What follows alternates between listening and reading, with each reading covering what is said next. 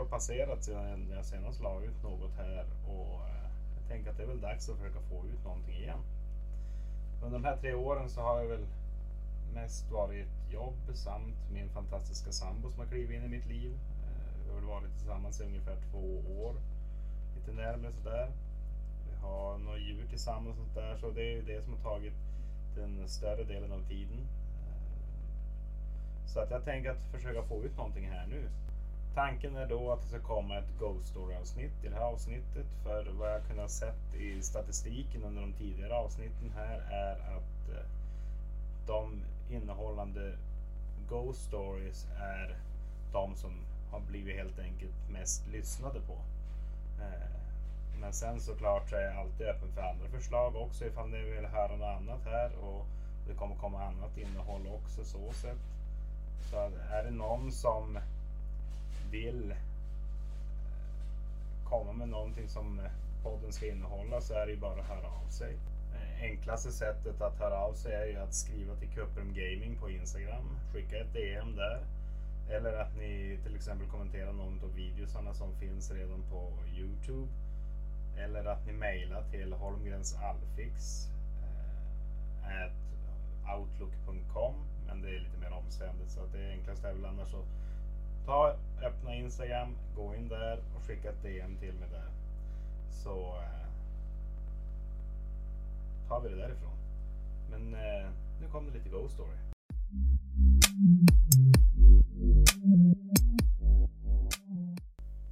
På LaxTons hemsida kan man läsa om fotsteg i trappen. Det här är vad som står där. I vårt hus har vi haft mycket aktivitet. Men detta är en händelse som har etsat sig fast som jag minns som det vore än igår. Detta är den starkaste händelsen som har hänt hos oss. Vi har ingen förklaring mer än att det var något paranormalt. Och något jag kommer att minnas som något otroligt häftigt och spännande. Vi hade besök av en vän som sov i gästrummet som ligger långt in på övervåningen i vårt hus. Man måste öppna en dörr, gå genom en korridor och sakta ner i trappen för att komma till hallen där vi har vår toalett. Det är ett gammalt hus så allting hörs väldigt tydligt om någon går där. Vi väckte vår vän som sa kommer strax Cirka tre till fyra minuter senare hörde vi hur någon går i hallen och springer ner i trappen. Men det kom ingen. Både jag och min fru tittar på varandra och undrar var vår vän faktiskt försvann. Ytterdörren var fortfarande låst. Ingen var på toan och vi satt i köket som vetter ut mot hallen. Så personen kan ej ha kommit någonstans. Det var inte heller någon som gick upp i trappen igen. Och det går inte att smyga då det knarrar när man går. När vi då går upp och väcker vår vän igen så sa vännen att hen hade sovit fram tills nu. Alltså inte varit uppe. Och inte heller svarade mig förra väckningen. Det är alltså ett smakprov på vad du kan hitta på laxton.se. Och jag vill bara tillägga att den här podden är inte i samarbete med någon. Eh, men det är alltid värt att vara in och läsa på, på LaxTon. Här har vi då en annan historia. Den går så här. Det knastrar från den snustorra veden som just har lagts på elden.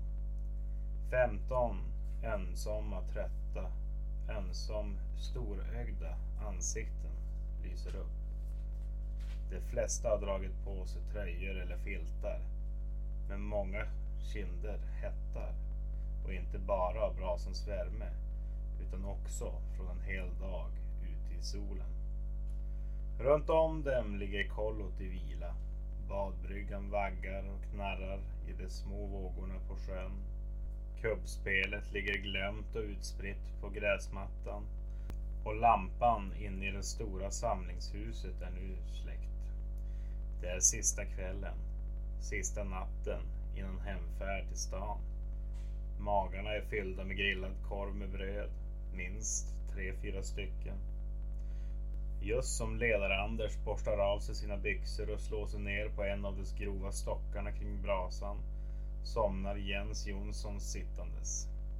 En dräggelsträng börjar sakta leta sig ner över läppen och vidare ner mot jordens mitt. Saga fnissar och stöter på sin äldre syster Viveka i sidan med armbågen och hon stöter tillbaka och suckar då kom frågan från ledare-Anders. Har ni hört berättelsen om stugan? Alla skakar på huvudet. Ingen har hört. Men alla vill givetvis höra. Ledar-Inger har gått och lagt sig. Prick klockan halv tio varje kväll tackar hon för sig, drar på sig nattlinnet med en urtvättad brun häst på magen. När hon är ur vägen, då kan vad som helst hända. Ledar-Anders är mer än okej. Okay. Han föreställer sig inte. Han bara är. Viveka flyttar sig närmre sin syster. Saga flyttar lite längre bort. Det är varmt och jobbigt att sitta nära. Det var en gång en stuga. Ledare Anders antar en allvarlig ton. Bredvid honom fnyser Bertil högt och petar med en pinne i elden. Gnistorna yr upp mot himlen och försvinner ut i oändligheten. Väntar du bara Berra och lägg ifrån dig pinnen va? Bertil gör som han blir tillsagd och allt blir tyst och förväntansfullt. Ledar-Anders harklar sig. Det var en gång en stuga här i trakten. Röd med vita knutar. Man kom dit via en liten grusväg som snart övergick till en knaggig stig. Kantad av skog och skugga. Stigen slutade i en grind som alltid stod öppet. Och där låg stugan. Liten och gemytlig från grindens sätt. Men inte lika gemytlig på insidan. Ledar-Anders pausar och ser på gröten av ansikten kring elden. Alla ögon tittar nu stort och pikt på honom. Förutom Jens. Han har sakta vikt sig dubbel och sover nu djupt i sitt egna knä. Där inne bodde Karl och Klara Svensson. Karl gick under namnet Karl Kadaver och Klara omnämns bara som just Klara. Några fnissar men ledar-Anders tittar allvarligt in i elden. Karl var jägare men han slöt sig aldrig till traktens jaktlag utan höll sig för sig själv. Det retade många eftersom att han tjuvjagade på andras marker men de ville å andra sidan inte ha honom i laget längre. Eftersom att det var något fel på karln. Det kändes och snart märktes det också. Han var en utomordentligt duktig skytt och mycket effektiv i sin jakt. Snart fanns det inte mycket vilt kvar i skogarna. Eller rättare sagt, fanns inte mycket levande vilt kvar i skogarna.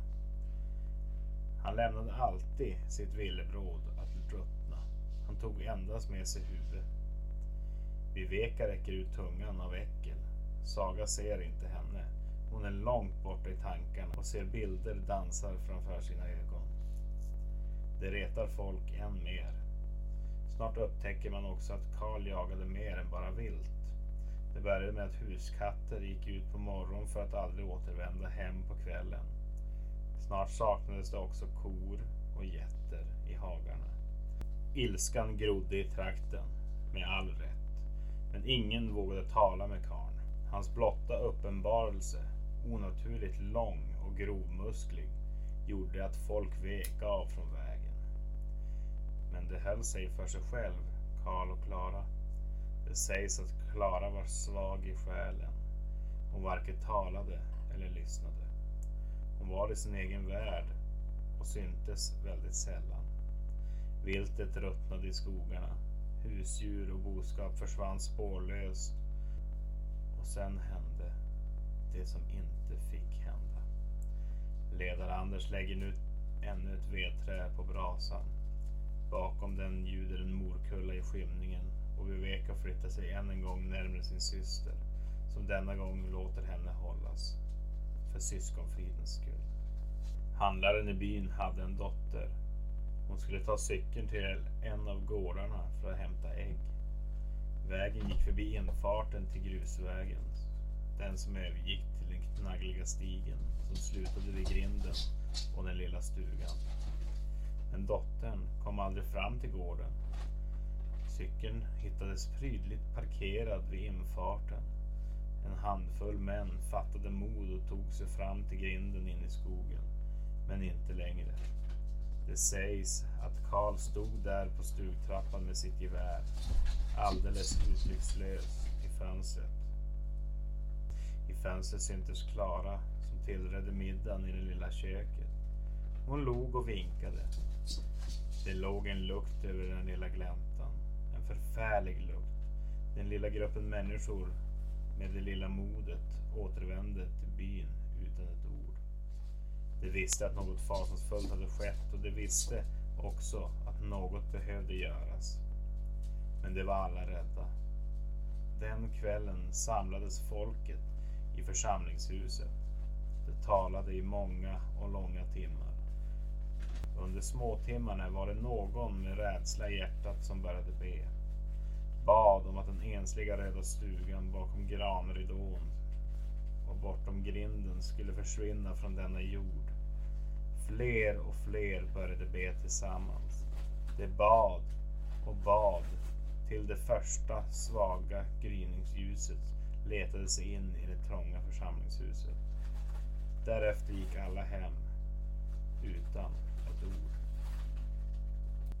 Ledar-Anders tystnar och ser upp från brasan. Vad hände med stugan? Vad hände med Karl Kadaver och Klara? frågar Saga som har frigjort sig från sin filt och nu sitter framåtlutad med huvudet i händerna och hennes ögon sprakar i elden. Stugan syntes aldrig mer. Det var som att den var uppslukad av jorden. Bortönskad till en plats bortom denna värld där den hörde hemma.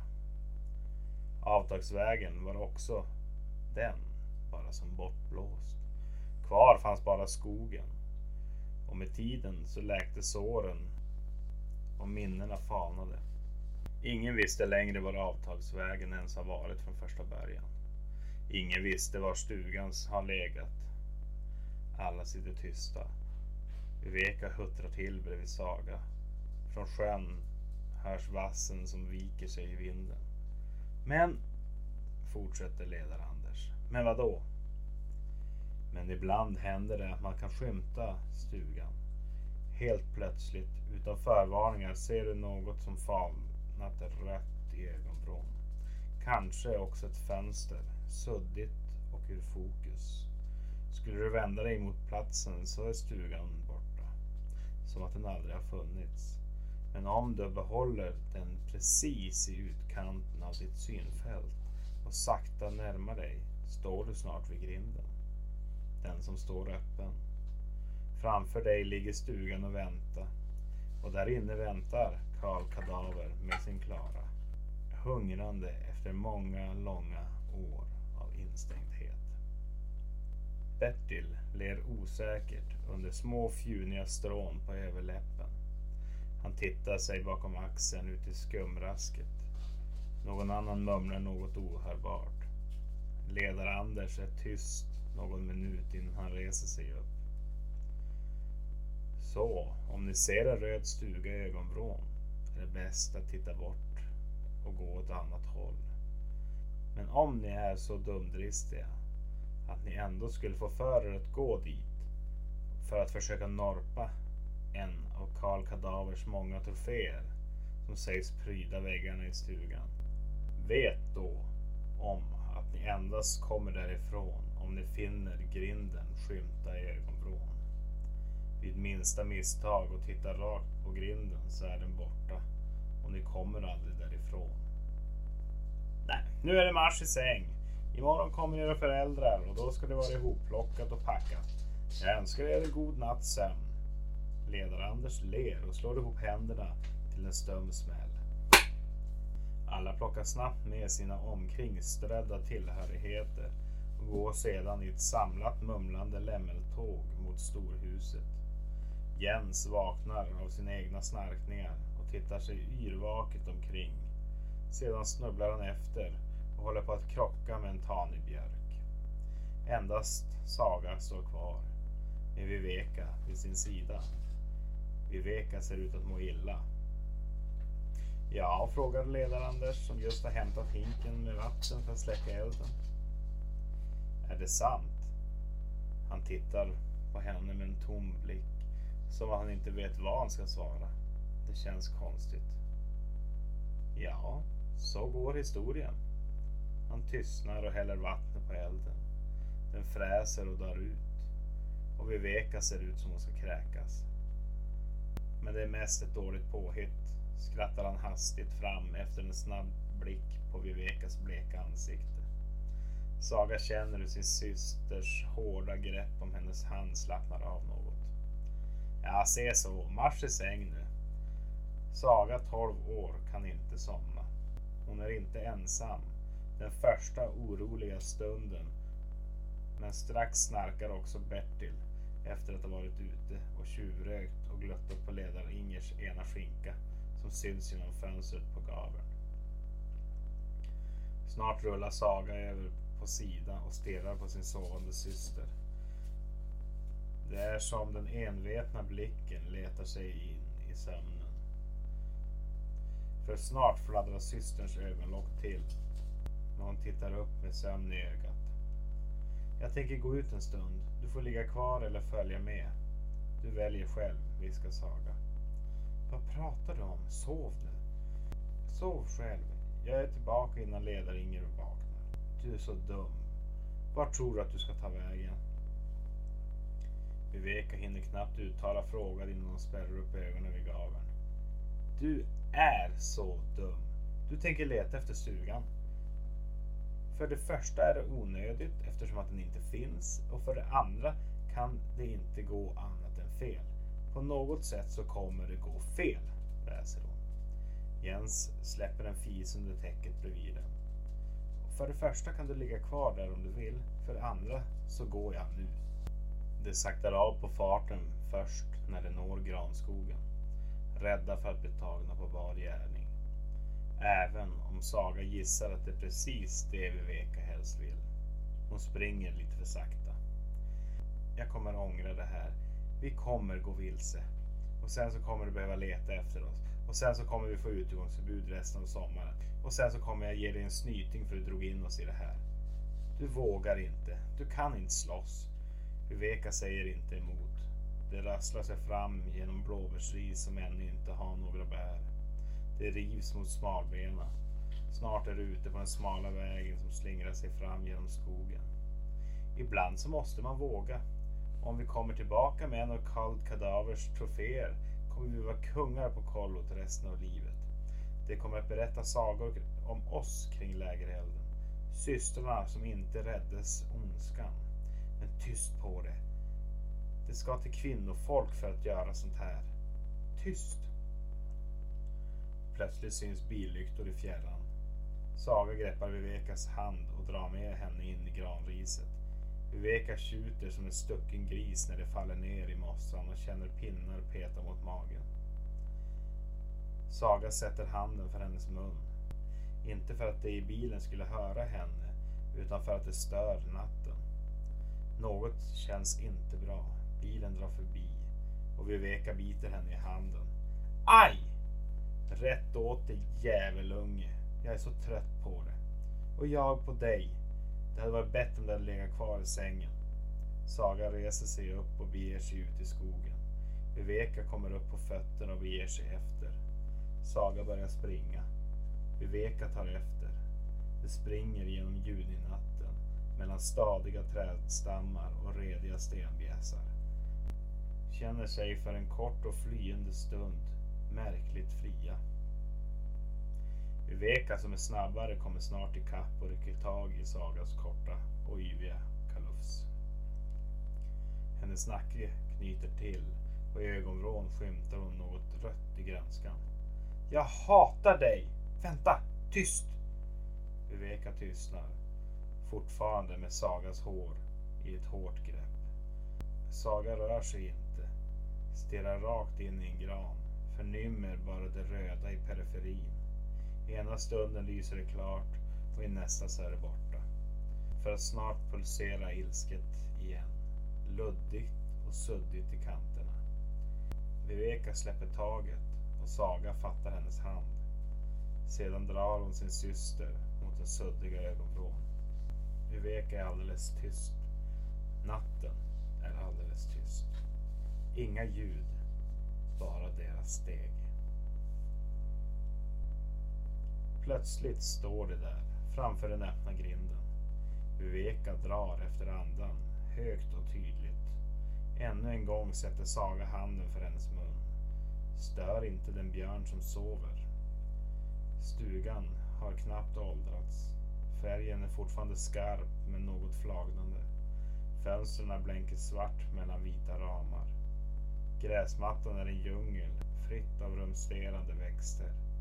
Den gamla stengången fram till farstutrappan är igenväxten av ogräs. Systrarna står hand i hand. De tittar på varandra och Viveka skakar långsamt på sitt huvud. Saga nickar. Du kan vänta här, viskar hon.